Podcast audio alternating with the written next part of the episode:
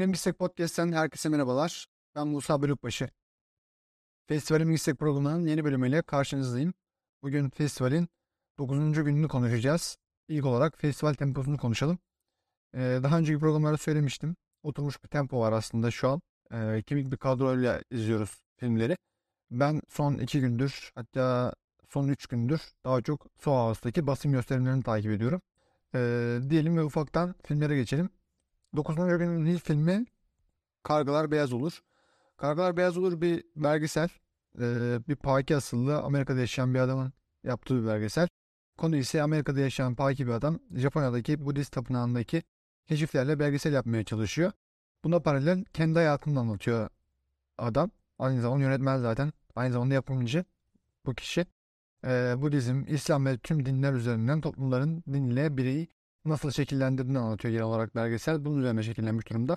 Belgesel aslında sürekli farklı farklı konulara savruluyor, konulara anlatmaya çalışıyor. Yer yer takip etmesi zor olsa da din öğretilerini tartışmaya açtığı için oldukça önemli. Bu taraflarını iyi açıyor belgesel. Bu tarafları çok başarılı. Ee, adamın tutucu Müslüman ailesine yabancı e, bir kadınla evlendiğini söyleme süreci oldukça dramatik. Ee, modern dünyada herkesin karşılaştığı aslında küresel bir köy olan dünyamızda bunları konuşmak, tartışmak çok iyi bir durum. Çünkü bunlar hala bir tabu olmuş durumda. Bazı toplumlarda, bazı ülkelerde bunları ciddi anlamda konuşmak gerekiyor. 21. yüzyılda hala dinin böylesi dogmatik hallerini konuşmak, dogmatik halleri insanların davranışlarını etkilemesi oldukça absürt, oldukça saçma geliyor. Biraz belgesel aslında bunları anlatmaya çalışıyor. Yeni nesiller için de dinin ne kadar gereksiz ve dogmalar toplamı olduğunu tekrar tekrar altını çiziyor. Çünkü yeni nesillerde dine bağlılık veya dinden uzaklaşma konusu daha çok revaçta. Ee, aslında dinin insanların hayatını şekillendirmemesi gerektiğini söylüyor belgesel bir yerde.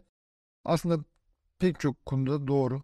Dinin bin yıl önce veya 2000 yıl önce kurulan dinlerin, bulunan dinlerin veya bulunduğu söylenen dinlerin hala insanların davranışını bu nebze etkilemesi, e, yön vermesi oldukça saçma ve yanlış. Ee, onun için belgesel bu noktada çok kaliteli bir hale geliyor. En büyük kusuru ise bir dış ses üzerine kullanılması. Yönetmen bize e, olayları gelişme sürecini veya olayların dönüşüm süreçlerini anlatıyor. Dış ses belgeselde çok tercih edilmez. Gerçi 12 farklı belgesel yapma modeli var. Bunlardan biri de dış ses kullanma. Ama dış ses son dönemdeki belgesel sinemada kullanılmaz oldu. Daha çok haber içeriklerinde dış ses kullanılır. Onun haricinde belgesellerde dış ses tercih edilmez. Belgeselin en büyük kusuru bu. Onun haricinde dediğim gibi dinin, dinlerin e, beyin hayatının yönlendirmesi konusunda durduğu nokta başarılı bir e, süreç. Bas, başarılı bir noktaya değiniyor belgesel. Ne olarak bunları söyleyebiliriz. Kargalar Beyaz Olur için. Geçelim diğer filmimize. Diğer filmimiz Roma'ya Yürüyüş. Roma'ya Yürüyüş de bir belgesel. Ee, bugün daha çok belgeseller izlemişim sanıyorum. Evet izlediğim iki film bir belgesel. E, Roma Yürüyüş ise Mussolini'nin propaganda filmi olan propaganda filmi olarak çektirdiği bizi filmin üzerinde sinema tarihine bakıyor. Sinema tarihi için çok elzem çok önemli bir belgesel aslında. Bir yerde sinema tarihinin Z raporunu çıkarıyor film. Sinema tarihinde pek çok gördüğümüz Potemkin Zırnası gibi veya Kuzey Nanuk gibi kült olmuş belgesellere referanslar veriyor. Bunlar çok önemli. Ve neye belgesel, neye film dememiz gerektiğini tartışıyor aslında. E, bütün diktatörlerin böylesi filmlere muhtaç olduğunu söyleyip sinemanın ne kadar güçlü bir silah olduğunu vurguluyor bir yerde. Çünkü Hitler'de, Franco'da, Mussolini'de böylesi propaganda filmleri çektirdi. Yaşadığımız dünyada yaşadığımız süreçte aslında Türkiye'ye bakarak da Türkiye'ye bakarak da benzer şeyleri görebiliriz. Propaganda filmlerinin, propaganda videolarının. Hatta sosyal medya çağında bunun pek çok örneğini görebiliriz geçtiğimiz aylarda gerçekleşen deprem felaketinde de bunun benzerini e, iktidar partisi tarafından e, yapılmıştı. Propaganda filmlerinin ardı arkası kesilmiyor. E, bir yerde zaten A Haber gibi bir haber oluşumu olduğunu söyleyen yerde böylesi propaganda aygıtlarını, propaganda ürünlerini e, besliyor, üretiyor ve toplumun bir yerde hafızasıyla oynuyor, hafıza kimliğiyle oynuyor.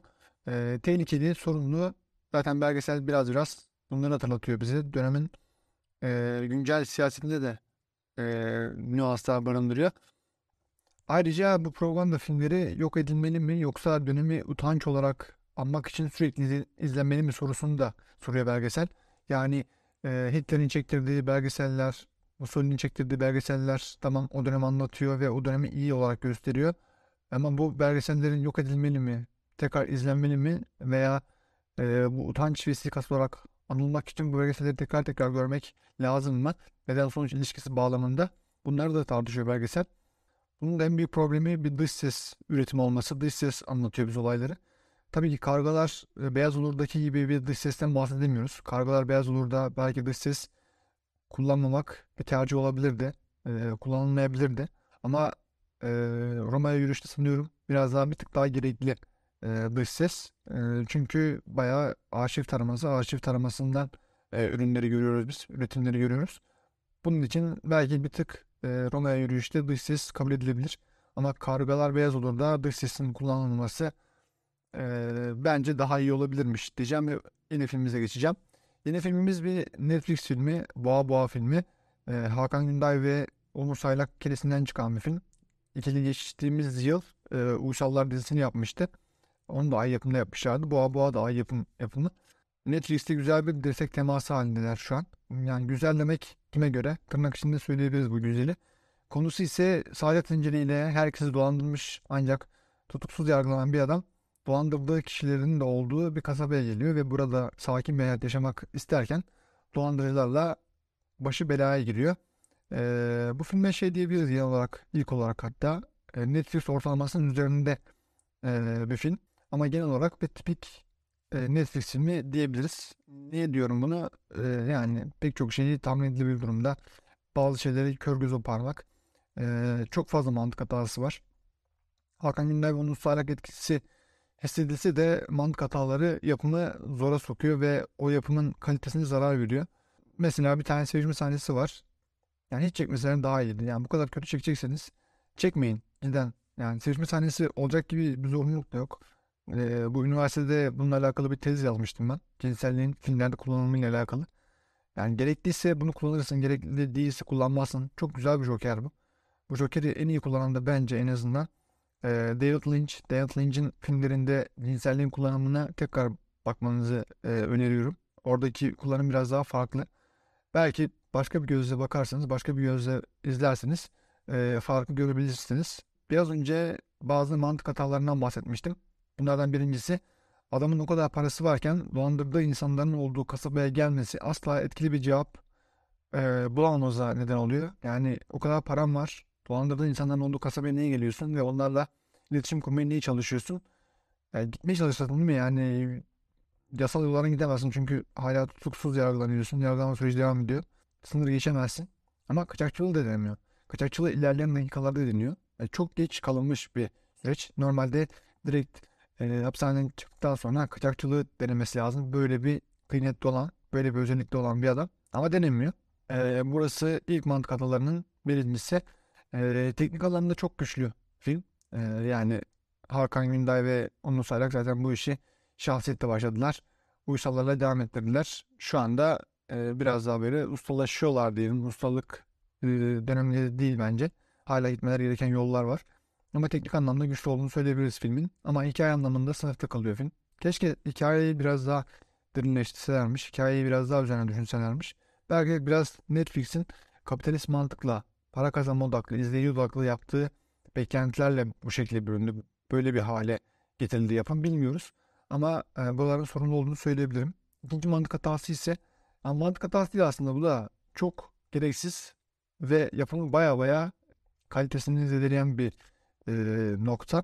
O da sonunda Yalın yani baş karakterimiz olan Yalın kişisi Kıvanç Tatlıtuğ'un hayat verdiği kişi e, insanlara paralarını veriyor.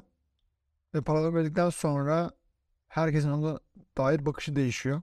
Selam vermeyen, onu döven, kavga eden, onu öldürmeye çalışan insanlar bir anda melek kesiyorlar. Onun evine geliyorlar. İşte ayvı falan getiriyorlar. Beraber sohbet ediyorlar. Yardakçılık yapıyorlar. Yalakalık yapıyorlar. Gerek yok ki. Yani bir tane jandarmanın konuşması var. Konuşmada aslında her şeyi biz net olarak görebiliyoruz. Jandarma her şeyi anlatmıştı aslında. Üstü kapalı. Net bir şekilde çok tatlı diyaloglarla bu konuyu halletmişti. Onun devam eden süreçte buna gelmesine gerek var mıydı? Bence gerek yoktu. Gereksiz uzatılmışlar. Ee, Boğa Boğa için genel olarak bunları söyleyebiliriz. Keşke biraz daha hikayenin üzerine listelermiş diyelim ve diğer filmimize geçelim. Diğer filmimiz Exorcist. Yani belki de sizin bildiğiniz ismiyle Şeytan. İstanbul Film Festivali'nde William Friedkin'in retro perspektifi olarak gösterilen film korku filmlerinin atası olarak biliniyor. Yani şeytan herkesin e, sevdiği, herkesin öve bitiremediği korku sinemasının en azından kalbur üstü korku sinemasının kült yapımlarından biri. Konusu ise e, eski bir rahip aynı zamanda arkeolog da olan bir bilim insanı e, Irak kazısında tılsımlı bir sikke buluyor. Bu sikke ile beraber küçük bir kızın içine şeytan geliyor ve bilim insanı ve eski psikolog şu anda papaz olan, rahip olan e, birisi bu şeytanı çıkarmaya çalışıyorlar. Teknik anlamda gerçekten mükemmel bir film. Her detayıyla sinema lezzeti sunuyor adeta. E, dönemine göre bunu nasıl yaptılar, nasıl başardılar bilmiyorum. Fred Lincoln yönetmen e, ciddi anlamda çok iyi bir iş çıkarmış, çok iyi bir iş ortaya çıkarmışlar. Her detayıyla tam olarak bir sinema lezzeti sunuyor film. Dönemine göre böylesi bir film yapmak ve asla karikatürize olmamak, komik duruma düşmemek oldukça büyük başarı. Ee, hem korkunç, hem gergin, hem de yavaş yavaş tansiyon yükseliyor. Yavaş yavaş kaynayan bir su gibi. Yavaş yavaş yükseltmesi bizim merakımızı ve bizim e, gerilme duygumuzu daha da besliyor. E, müthiş bir korku filmi demekten başka bir şey bulamıyorum bu film için. Gerçekten enfes bir film. E, bulabiliyorsanız izleyin, izlettirin e, ve sonraki devam filmlerine de bakmanızı tavsiye ederim. Evet, festivalin meslek programının 9.sunu bu şekilde yaptık. Toplamda 4 yapımı konuştuk. Yarın 10. programda görüşmek dileğiyle. Hoşçakalın, iyi geceler.